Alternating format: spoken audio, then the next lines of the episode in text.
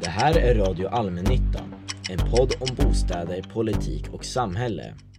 Vad kan bostadsföretag göra för att öka tryggheten i utsatta bostadsområden? Hör ett samtal med Kiki Björklund, VD på bostadsbolaget i Göteborg, om både goda och mindre goda erfarenheter och hur man vill gå vidare framåt. Intervjuare Helene Ahlberg.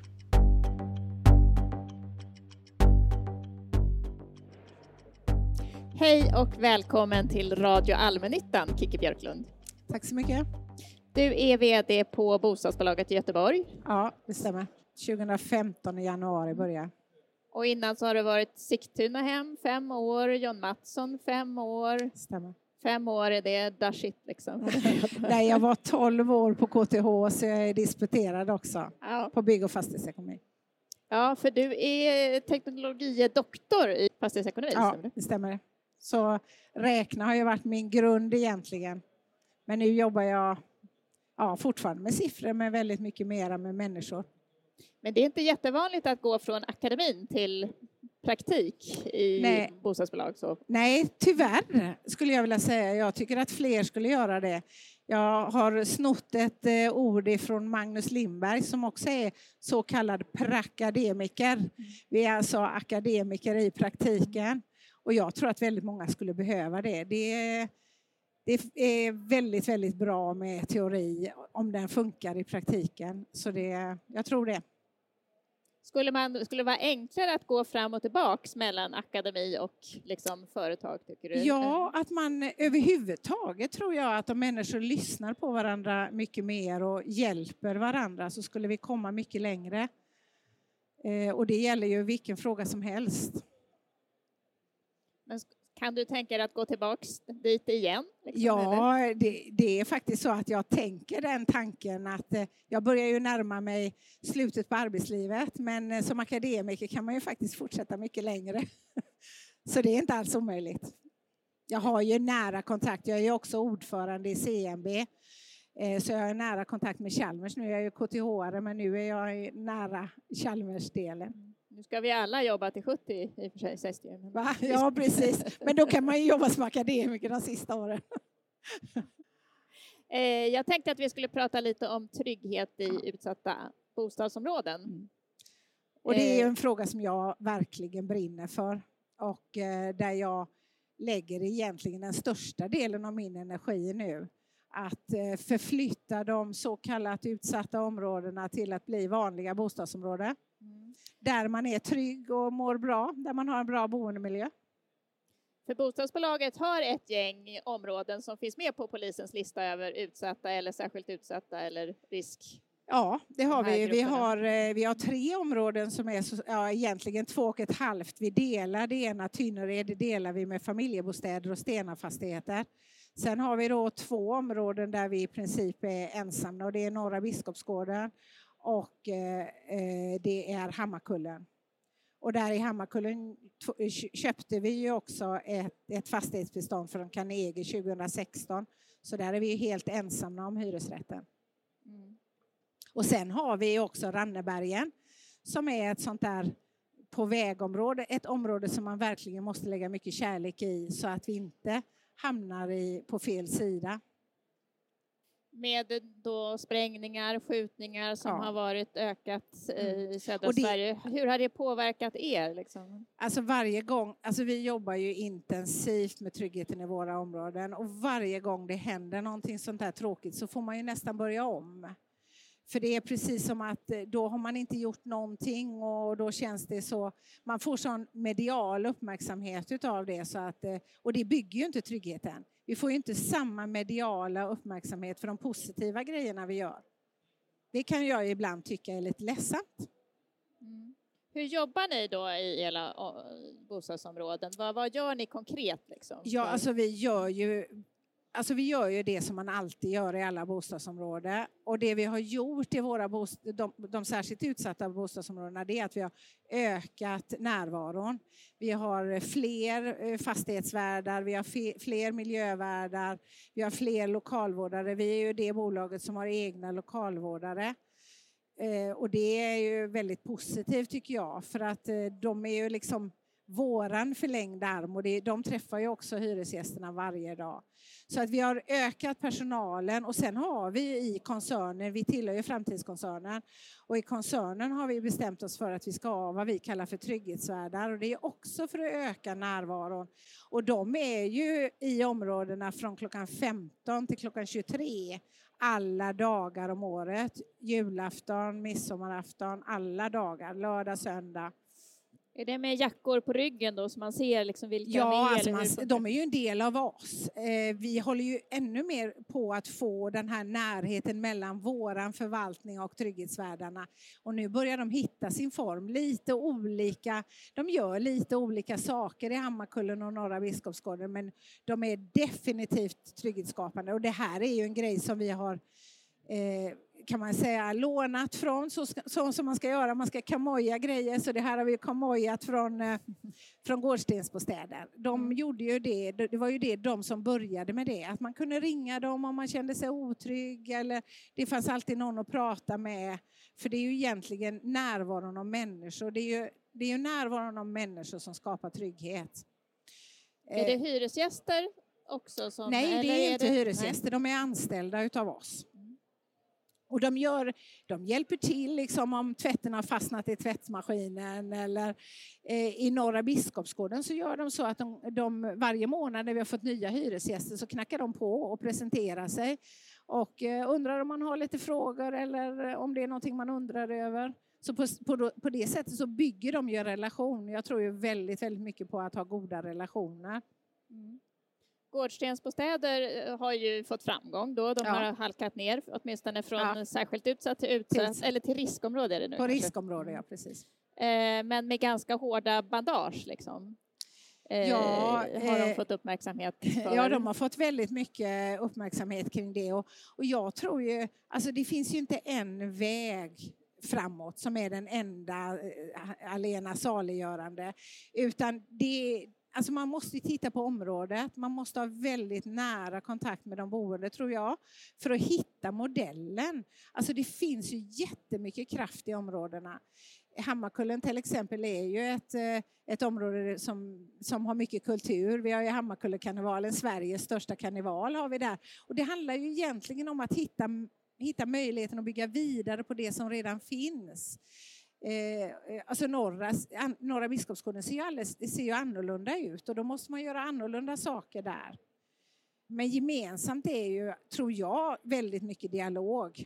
Och så sen att det finns mötesplatser. Jag tror ju väldigt mycket på det här öppna vardagsrummet. Så i Hammarkullen har vi ju då 600 kvadratmeter som man kan eh, hyra in sig i för nästan inga pengar alls. Och så, sen så kan man träffas. Jag tror att vi behöver, vi har ju, jag tror det är 83 olika alltså nationaliteter i Hammarkullen. Och det är klart att, att då behöver man mötas för vi är på det sättet är vi kulturellt olika. Så man behöver stötas och blötas tillsammans istället för att alla ska ha ett litet eget utrymme som vi under ganska lång tid har haft. Så jag tror på de här öppna vardagsrummen. Vad vi tittar på nu i Hammarkullen det är att titta på torgen. Jag tror att torget, hjärtat i ett område, är jätteviktigt. Och i de här utsatta områdena har vi ju nästan övergivit torgen. Vi har ju eh, det, affärerna försvinner. I Rannebergen som vi har, där har vi, det finns en liten pizzeria. Och sen är det öde. Och så använder man inte den ytan. Och där måste vi titta på hur kan vi använda ytan mycket tillsammans tror jag med eh, civilsamhället eller föreningar, kyrkan. Ja, det finns massor att samarbeta med. Ja, för nu pratas det om Hammarkullen-modellen också och då är det nätverk, civilsamhälle eller vad är Hammarkullen-modellen liksom kontra andra modeller? Då? Ja, alltså Hammarkullen-modellen är ju ingenting som bostadsbolaget har myntat. Nej, det är Hyresgästföreningen. Det är Hyresgästföreningen som har myntat det och ja, de har ju vårt Hammarkullen och de har ju vårt Rannebergen och så. Där har man ju mobiliserat sig som hyresgäst. Men jag tror att vi behöver bli ännu närmare varandra Hyresgästföreningen och bostadsföretagen. Vi, eh, vi har en bit att gå där, tror jag. Men eh, jag, jag tror ju på dialogen. Och jag tror ju på dialogen där alla är med och där alla får lov att vara med. Så Gårdstensbostäders koncept är ingenting man bara kopierar och, och tar rakt av någon annanstans också? Liksom, eller? Nej, jag tror inte man, jag, jag, tror att i och med att det är människor och människor är olika så tror jag inte på, kopier, på kopieringen. Utan jag tror att eh, man, man lånar de där grejerna som man känner att det här känns bra för mig och så, så, så tar man dem och så, sen så gör man om dem till sitt eget och så bygger man på. Jag var i, eh, i Norrköping och tittade på hyresbostäder och jag hade så mycket massor bra idéer med mig till hur man kan utveckla centrum. Och det är ju den här fantastiska saken vi har i allmännyttan, att vi, vi kan ju liksom ta ifrån varandra för vi konkurrerar ju inte, vi bara kompletterar och stärker varandra och det är ju därför det är så roligt att jobba inom Sveriges allmännytta.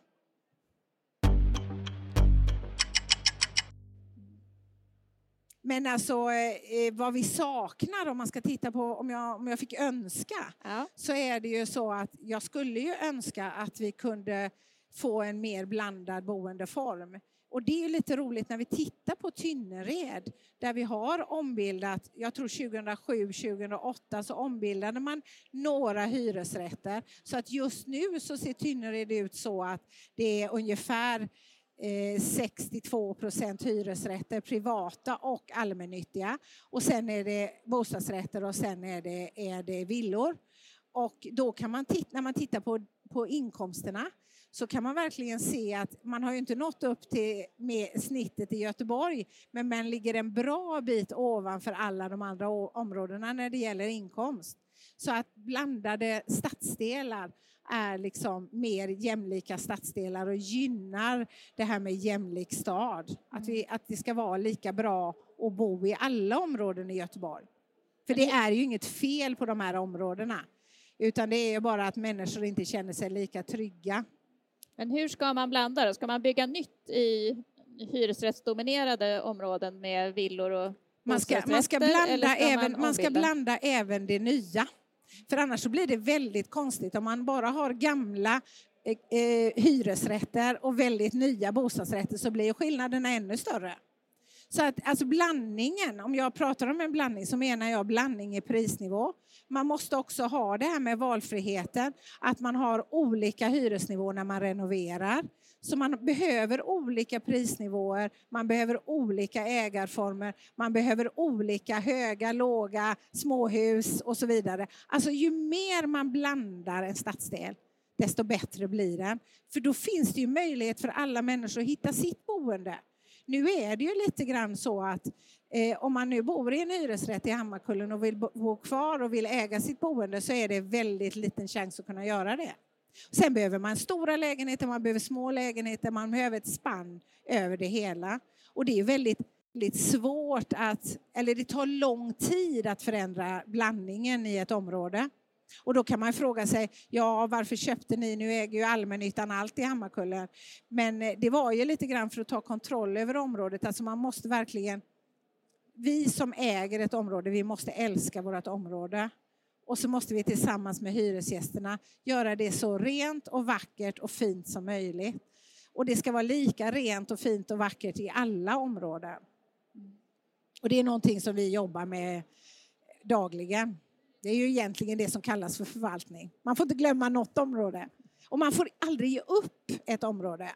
Även om man måste städa och städa och städa så får man fortsätta att städa. Och det är klart att kan man få hjälp ifrån hyresgästerna att städa.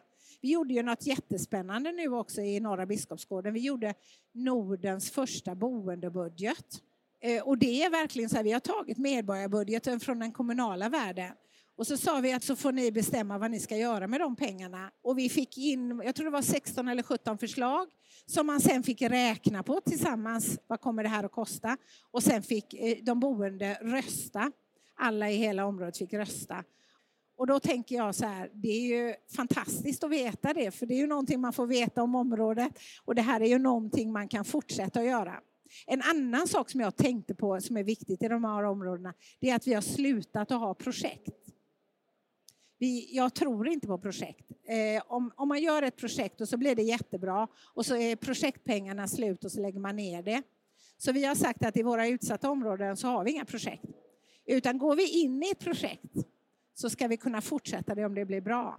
Fast jag tycker det har man sagt sedan 90-talet. Nu har vi slutat med projekt, men sen så slutar man kanske Ja, inte med projekt i alla Ja, fall. Men... jo, men, men det är ju lite intressant för vi, sta- vi gick med i Kretslopp och vatten, ville starta ett projekt om fixotek i Hammarkullen.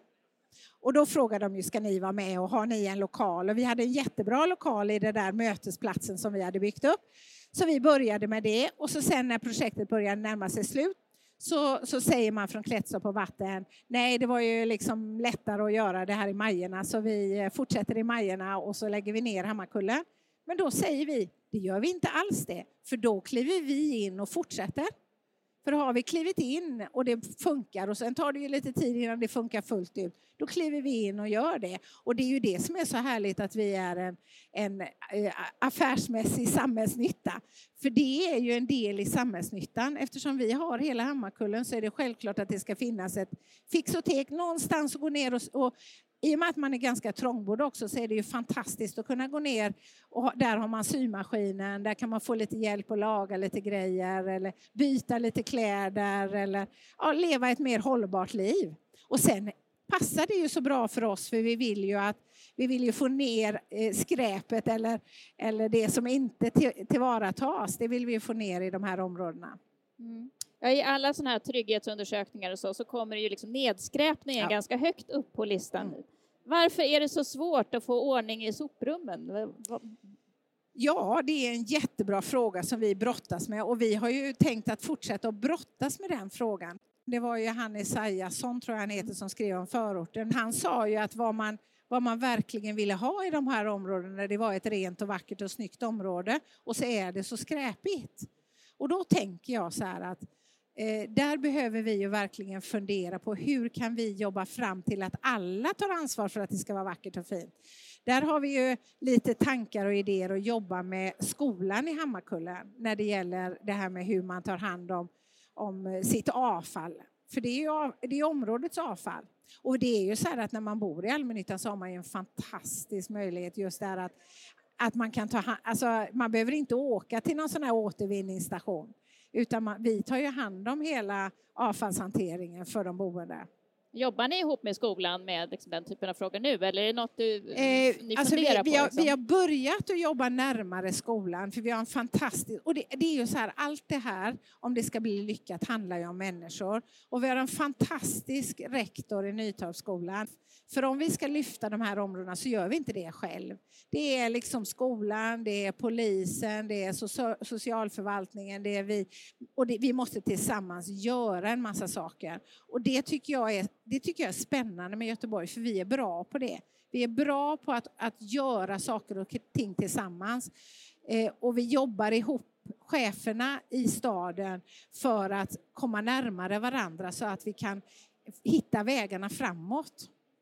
En annan sak som lyfts i den forskarrapporten Ja. då från Statsvetenskapliga institutionen där Ja. i Göteborg är ju då behovet av en stark aktör Ja. i området och att det som man såg där då det var bostadsbolaget som kunde vara den starka aktören som skulle också vara legitim och, och lite hårda nypor. Liksom. Och det tror jag. Jag tror att vi behöver mer av det där civilkuraget, att man vågar säga ifrån. Och där är vi den starka. Vi är den naturliga starka aktören och vi är ju geografiskt kopplat, helt geografiskt kopplat. Men apropå att du sa att ni hade tagit ganska stort grepp om Hammarkullen och ägde ganska mycket där. Det är kanske lättare att vara den här starka legitima aktören om man också är den dominerande aktören, eller? Ja, till att börja med. Det var ju lite, alltså man måste ju hitta vägarna framåt och man måste verkligen committa sig för eh, förändringen. Eh, och sen är det då viktigt, om man, om man då inte tror att det ska se ut så i alla tider, då måste man ju se till att när man blir flera, att man bjud, verkligen bjuder in de nya. Nu kommer ju Boklok, man bygger lite bostadsrätter, Egna hemsbolaget bygger lite bostadsrätter. Det är klart att, att om jag får bestämma alldeles själv så är det enklare än om jag måste samarbeta. Men jag tror ju väldigt mycket på eh, jag tror på starka aktörer eh, och sen så tror jag att man måste hitta vägarna i vilken avseende ska vi samarbeta så det blir väldigt tydligt vad som är ditt och vad som är mitt. Det har ju skrivits om den här bemannade parkleken i Hammarkullen. Men det är faktiskt så att alltså, den bemannade parkleken i Hammarkullen den är våran tillsammans med stadsdelen. Vilket betyder att vi kommer ju då inte, eftersom vi inte har projekt, så kommer vi inte att lägga ner den. För vi såg ju det att barnen var ju inte ute och lekte på den fantastiska lekplatsen som vi hade, utan det behövdes vuxennärvaro. Och det är ju så här, vi har ju monterat ner mycket av det. När jag var liten fanns det ju alltid parktanter. Nu heter det väl inte parktanter, det får man inte säga, men parkpersonal. Alltså personal som kan ta konflikterna, som kan, va, som kan ha den där civilkuraget, som kan säga hallå, du får lyfta upp det där pappret, det ska inte ligga där, det ska ligga i papperskorgen. Det tror jag är jätteviktigt och där tror jag de eh, har helt rätt att man behöver vara en stark aktör och man behöver stå upp för det som är rätt och riktigt. För det är egentligen då det skapar trygghet. Så det tror jag absolut. Vi borde prata mer om moppegäng och mindre om terrorhot, sa en ja, ex-polis i en tidigare det, det tror jag, Ja, men det tror jag absolut. För att jag tror att det är de här små sakerna, när vi släpper på det och lite den här låt gå-mentaliteten funkar inte. Den, funkar, den har aldrig funkat någonstans. Utan vi måste verkligen stå upp för det vi vill ha. Och då är det ju jag, det är mina medarbetare, men det är också alla hyresgäster. Så tillsammans, ja, jag blir så... Alltså det är ju hemskt att det ska behöva hända hemska saker innan man kliver ut som, som medborgare och säger nej nu räcker det. Alltså nu tar vi inte det här längre, nu gör vi någonting. Och jag menar det hade vi ju i Norra Biskopsgården också. Att vi har väldigt mycket engagerade föräldrar och eh, människor som bor där som vill vara med och göra skillnad. För det, jag tror att det är vi som gör skillnaden. Och sen är det självklart att vi måste ha polisen som gör det som polisen ska göra, liksom beivra sånt som, som är helt olagligt, alltså som, som eh, sätter folk i fängelse om man behöver göra det. Men det finns ju så mycket innan det som är trygghet. För trygghet är ju ändå en känsla. Det är precis lika säkert att vara i många av våra utsatta områden som att vara på Järntorget och Brunnsparken. Men det är ju känslan vi pratar om. Alltså känslan av trygghet, att jag vågar gå ut, att jag vågar gå till spårvagnen även efter mörkrets inbrott. Men vi har fantastiska områden. Jag är ju själv då uppväxt i Norra Biskopsgården så för mig är ju Norra Biskopsgården, det är ju hemma. Jag är ju aldrig, aldrig rädd när jag går från mina föräldrar där och ställer mig på spårvagnsplatsen. När ni då gör den här satsningen på torg, ja. är det också för att få liksom mer trygghet där? Att ja. det inte ska pågå någon öppen liksom, Nej, alltså, och vi, vi, vi måste äga torgen. Och vi måste liksom ta tillbaka torgen. Jag tror att det är en sån här grej som om man tittar på alla de här områdena och alla de satsningar vi har i de allmännyttiga områden så är det mycket prat om att, att återta torget. Och, och istället för att nedmontera det, montera upp det med bra verksamheter. Men då kanske bara den kriminella verksamheten flyttar runt hörnet, liksom in i en buske? Då. Ja, alltså det säger man ju, men om man lyssnar på de som kan sånt här, alltså, så säger de ju det att varje gång vi flyttar den så försvagas den. Och då kan vi flytta den, då får vi liksom följa, mm. följa problemet. Det blir lite sämre business varje gång. Det blir gång. lite sämre business varje gång och, och, ju mer vi är närvarande desto svårare är det. Men det är ganska roligt just där vi har tagit bort mycket tak och sådana här grejer som vi tillsammans med Stiftelsen Tryggare Sverige har gått igenom våra områden och sett vad behöver vi ta bort. För man behöver inte ha sådana där områden när det är självklart att man kan stå och dila eh, saker som man inte ska dela. Så tog vi bort ett tak från ett av våra hus och en, en sån här eh, häck. Och så fick vi Boverkspengar så vi kunde göra en jättefin miljö ut, utanför vårt aktivitetshus. Och så sen diskuterade vi hur vi skulle klara av parkeringen för våra bostadsrätt som ska byggas. Och då var det någon som kom på då att eh, men vi kan ju bygga ett sånt där eh, Eh, garage ovanpå våra parkeringsplatser. Då hade jag förvaltarna direkt på telefonen. Är du klok Kiki? Vi kan ju inte bygga ett nytt tak när vi nu har tagit bort det andra. Så att det handlar om att alla måste förstå vad det är som skapar trygghet. För det skapas ju både av fysiska saker, sen skapas det av hur människor rör sig. Kan vi då få människor att gå på ett visst sätt? Det är självklart att det har betydelse. Så liksom, man kan till viss mån bygga Eh, en bättre stad, en tryggare stad genom att vara lite mer medveten om var man sätter saker och ting och vilka tak man gör och hur man, hur man tänker. Och det, det är vi ju inte vana att tänka så. Utan vi tänker ju från ett annat håll, liksom det ska vara vackert och det ska vara på ett visst sätt. Och så. Utan jag tror att vi behöver tänka på tryggheten i allting vi gör. Blir det här bättre trygghet eller blir det sämre trygghet? Har du några konkreta exempel? Om du skulle, kan du säga liksom tre bra saker man skulle kunna prova att göra i ett bostadsområde där man har ja, lite trubbel med otrygghet? Ja, alltså att göra trygghetsvandringar men att också göra någonting åt det man kommer på när man gör trygghetsvandringar, det tror jag. Alltså ta alla sådana där skumma ställen, eh, ställen som är otrygga, så. det är den ena. Kolla igenom källarna så att det finns både väg ut och väg in. Eh, och sen är det städa och städa och städa och städa. Alltså så att det är rent och snyggt. Inga taggar hela tiden. Och så sen det här, och det är ju lite grann av den här broken window överhuvudtaget. Alltså inget som ser trasigt ut, ingenting som signalerar otrygghet. Och det betyder ju att man måste vara närvarande. Åtgärda direkt. Liksom, Åtgärda direkt och vara närvarande och aldrig bli blind för att ja men det kan ju se ut så. Och, eller det här att man säger så här, nej men det är ingen idé, de gör sönder det sen igen. Nej, men alltså, vi tar bort lampan istället för att ja, laga den. Ja, utan vi sätter dit fler lampor då. Alltså vi, vi, just det här att verkligen jobba med den fysiska miljön och så se till att, att ha närvaro på plats. Jag tror jättemycket på att, att vi måste vara vi i bostadsbolagen måste vara eh, längre tid i våra bostadsområden. Vi ska, vi ska vara där på kvällen också när alla våra hyresgäster är där. Mm. Det är Speciellt det, de, det är då det händer och det är då vi kan göra störst skillnad. Men det låter dyrt att åtgärda direkt, att vara där hela tiden. Det är jättedyrt att inte göra det. Alltså, eh, det här, den här kortsiktiga kostnadsjakten, den måste vi sluta. Vi måste tänka långsiktigt och bygga våra områden så att de, så att de funkar, alltså att alla områden funkar lika bra. Och då måste vi tänka långsiktigt och tänka lite större. Att ett ekonomiskt objekt, det är hela Hammarkullen. Man kan inte titta på den fastigheten och varje liten grej man ska göra ska vara lönsam där, utan man måste se till helheten. Det måste man, annars så kommer det inte att gå. För, och just det när man säger men det låter dyrt, ja, men det är ännu dyrare att låta bli. Och vi har inte råd att låta bli. Är det något ni har provat som du inte skulle rekommendera? Liksom? Hoppa över det här, liksom, för det här funkar inte. Vi ja, testade det här. Liksom. Ja, jag hoppar över det där när vi tror att vi ska kunna...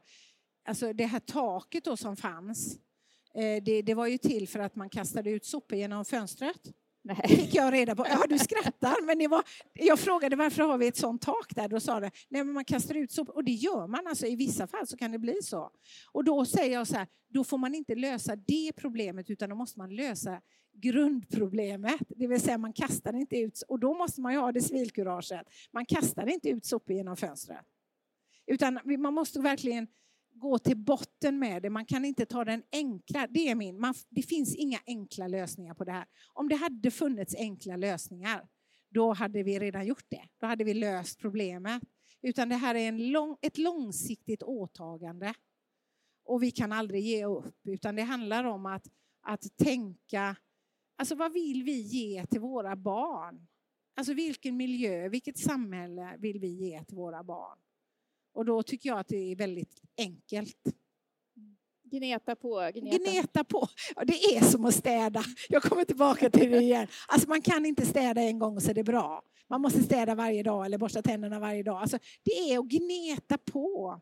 Men hur peppar man då den fastighetsskötare som ska gå och öppna det där soprummet varje morgon liksom, och så är det likadant igen? Mm. Alltså jag tror att det är de människorna vi har där, de har det på något sätt med sig. Alltså när vi, när vi tog över ett, eh, ett hus på Friskväderstorget så eh, hade vi en lokalvårdare där. Och hon städade och plockade bort taggar och det var ju på ett ställe där, där de inte ville att hon skulle vara. Så varje morgon hon kom så var det nya taggar. Och det är klart att ibland så, så, så grät hon. Men, men hon gav inte upp. Jag tror att man, man, man, man, man har rätt att bli ledsen över så som det är. Men jag tror att vi måste committa oss. De människorna som är där, de, de eh, måste se väldigt långsiktigt att om jag håller på och gör det här tillräckligt länge så kommer det att ge effekt. Så jag tror inte att, alltså det är inte alla som kan ta sig an det uppdraget. Det är ett tufft uppdrag. Mm. Och uthållighet. Uthållighet. Och så sen så får vi ju glädjas åt alla grejer som blir positivt. Och där tycker jag ju att eh, det hade varit roligt om vi hade haft media ännu mer med oss för att på något sätt beskriva det som vi faktiskt åstadkommer. Eh, för, för det behöver vi. För får man en sån här positiv, vi har ju fått några sådana, när man får en sån här positiv, yes vi är på rätt väg, då, då det kan man leva på länge. Mm. Man får uppmärksamma det man själv får, i alla fall. Ja, man får upp, vi uppmärksammar ju det hela tiden, vad vi faktiskt åstadkommer och gör. Och sen så mäter vi kundnöjdhet hela tiden så att eh, och vi ser ju att det vi gör har betydelse. Kunderna uppmärksammar det vi gör. Så det är, det är också sånt där när man känner så här, nu har jag jobbat stenhårt, titta vi fick upp det här med 2 procent. Så det är klart att det driver oss och det försöker vi också tala om för kunderna att om de tycker att vi gör någonting bra så ska de tala om det för det är boost för oss och då kommer vi att fortsätta göra bra det grejer. Det blir mer av det. ja.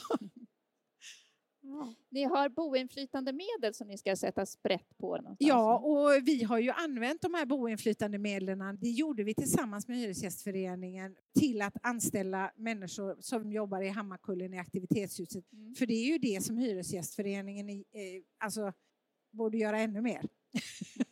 att, att jobba med så att alla hyresgäster verkligen blir involverade. Och jag tror att det är det som man menar lite grann med den här Hammarkullemodellen eller det sättet som man jobbar i Hammarkullen. Att, att man vill hylla det, att alla ska få vara med.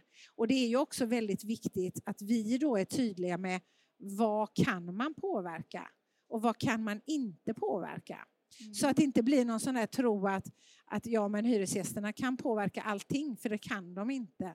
För att vi, vi har ju en affärsverksamhet också som vi måste driva. Och då är det ju vissa saker man kan påverka, andra, andra saker kan man inte påverka. Och då är ni tydliga med det? Eller? Ja, alltså vi försöker. Det är ju all, alltid svårt att vara tydlig, men vi pratade just om det, att vi behöver vara ännu mer tydliga med, alltså innan vi går in i en dialogfas, Alltså vad är det i den här som du kan dialoga om? För det är ingen idé. Och där tror jag man, det är väl också en sån här grej som jag säger som man inte ska göra. Man ska inte dialoga om man inte tänker lyssna på dem som man pratar med. det har vi gjort ganska mycket. Utan man ska vara väldigt tydlig med att det här, nu ska vi, boendebudgeten är fantastisk. Ni får bestämma precis vad ni ska göra med det. Och då får man ju göra precis vad man vill. Och då är det väldigt tydligt och man får ta konsekvenserna, man får räkna ihop det och man, det är de här pengarna och det ska räcka till det. Alltså sånt, sånt tror jag är jätteviktigt och sånt tror jag man skulle göra ännu mer. Det bygger ju också demokratifrågan. Att jag faktiskt kan påverka. För det är ju en sån sak vi har. Vi har ju väldigt lågt valdeltagande i våra utsatta områden. Och det beror ju på någonting. Och där behöver man ju verkligen botanisera. Det var väl det som Esaiasson var lite intresserad av att när de går ut med sådana SOM-undersökningar och sånt så får de inte lika stor svarsfrekvens i, våra, i våra utsatta områden. Och då kan man ju fundera på vad beror det på? Det är inte så att de inte vill påverka, det tror inte jag. Utan det är att vi har inte lyckats nå dem. Och då kanske vi inte kan göra på samma sätt som vi alltid har gjort utan vi kanske måste göra på ett annat sätt där. Och då tror jag ju att skolan är jätteviktig. Barnen är jätteviktiga. Och, och genom barnen och skolan så kan vi nå de vuxna. Och så tror jag vi behöver tänka också, inte bara skolan, utan att vi behöver jobba hand i hand med skolan. För mm. den är ju ändå viktig. Alltså det är ju skolan och jobben som är de viktiga sakerna för, för trygghet och för att man ska kunna leva ett bra liv. Han hade ju då sett att Gårdstensmodellen, där hade man fått ner brottsligheten, men Ja. däremot så var valdeltagandet ungefär likadant. Ungefär likadant. Och, då och har vi, och jag, det är det jag menar, Men- att, mm. att vi kommer aldrig vara färdiga. Alltså om man tror att man är färdig med det här, alltså då, då tror jag man är fel ute. Alltså vi kommer hela tiden att behöva utveckla, alltså hur skapar vi bra boende? Och det är ju inte bara i våra utsatta områden utan det är ju i alla våra bostadsområden. Men att de, de är lite olika. Det är ju självklart att ett område där man bor trångbott är helt annorlunda mot ett område där det bor ganska många äldre damer i treor. Och då måste vi, måste vi kunna möta det. Så vi måste ha en flexibilitet. Och då är det inte one size fits all, utan det är verkligen att, att lyssna in jättemycket. Jag tror ju det där liksom med att, att lyssna in, vad vill man?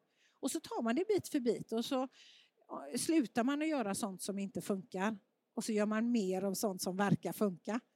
Alltså, och därför, eh, då jobbar man ju som jag säger evidensbaserat och det är väl därför jag är som besvärlig forskare. Jag vill gärna ha evidens, jag vill veta att här är vi och nu ska vi gå dit. Kommer vi dit eller kommer vi någon helt annanstans? Så därför tror jag att vi behöver mäta, gör, alltså göra saker, se om det funkar, göra på ett nytt sätt, om det inte funkar och så mäta igen och så tar vi oss framåt. Ett annat sätt att blanda boende det är ju då att bygga hyresrätter i Det villadominerade tycker jag områden. också att vi ska göra. Men då blir det ju ofta ganska dyrt, alltså ganska Ja. höga hyror där Ja, och då kanske det inte blir superblandat i alla nej, fall. Nej, alltså det är ju jättesvårt. Människor rör ju sig väldigt lite. Alltså man, man rör sig inom sitt lilla område där. Det är frågan om hur, hur stort det där området är. Det kanske inte är så att man flyttar från Hammarkullen till Ovsjö.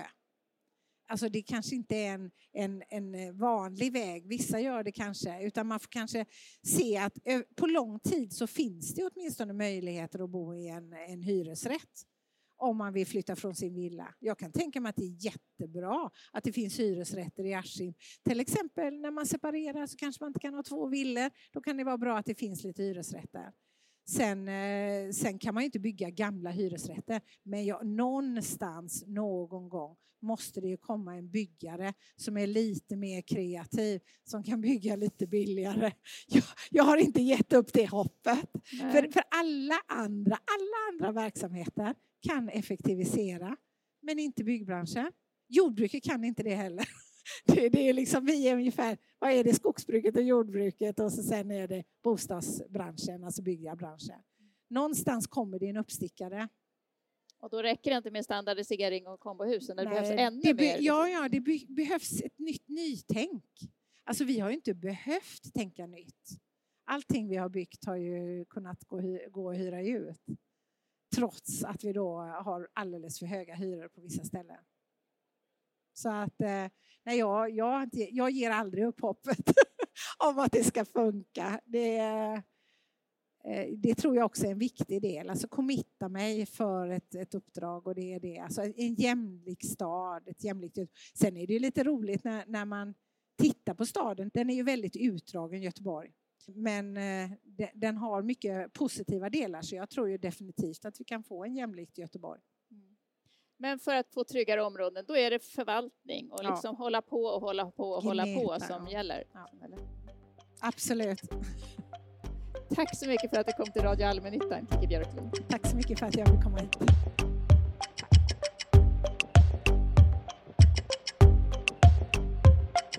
Du har lyssnat på en podd från Radio Allmännyttan. Inspelad live och inför publik under tiden före corona och pandemirestriktioner.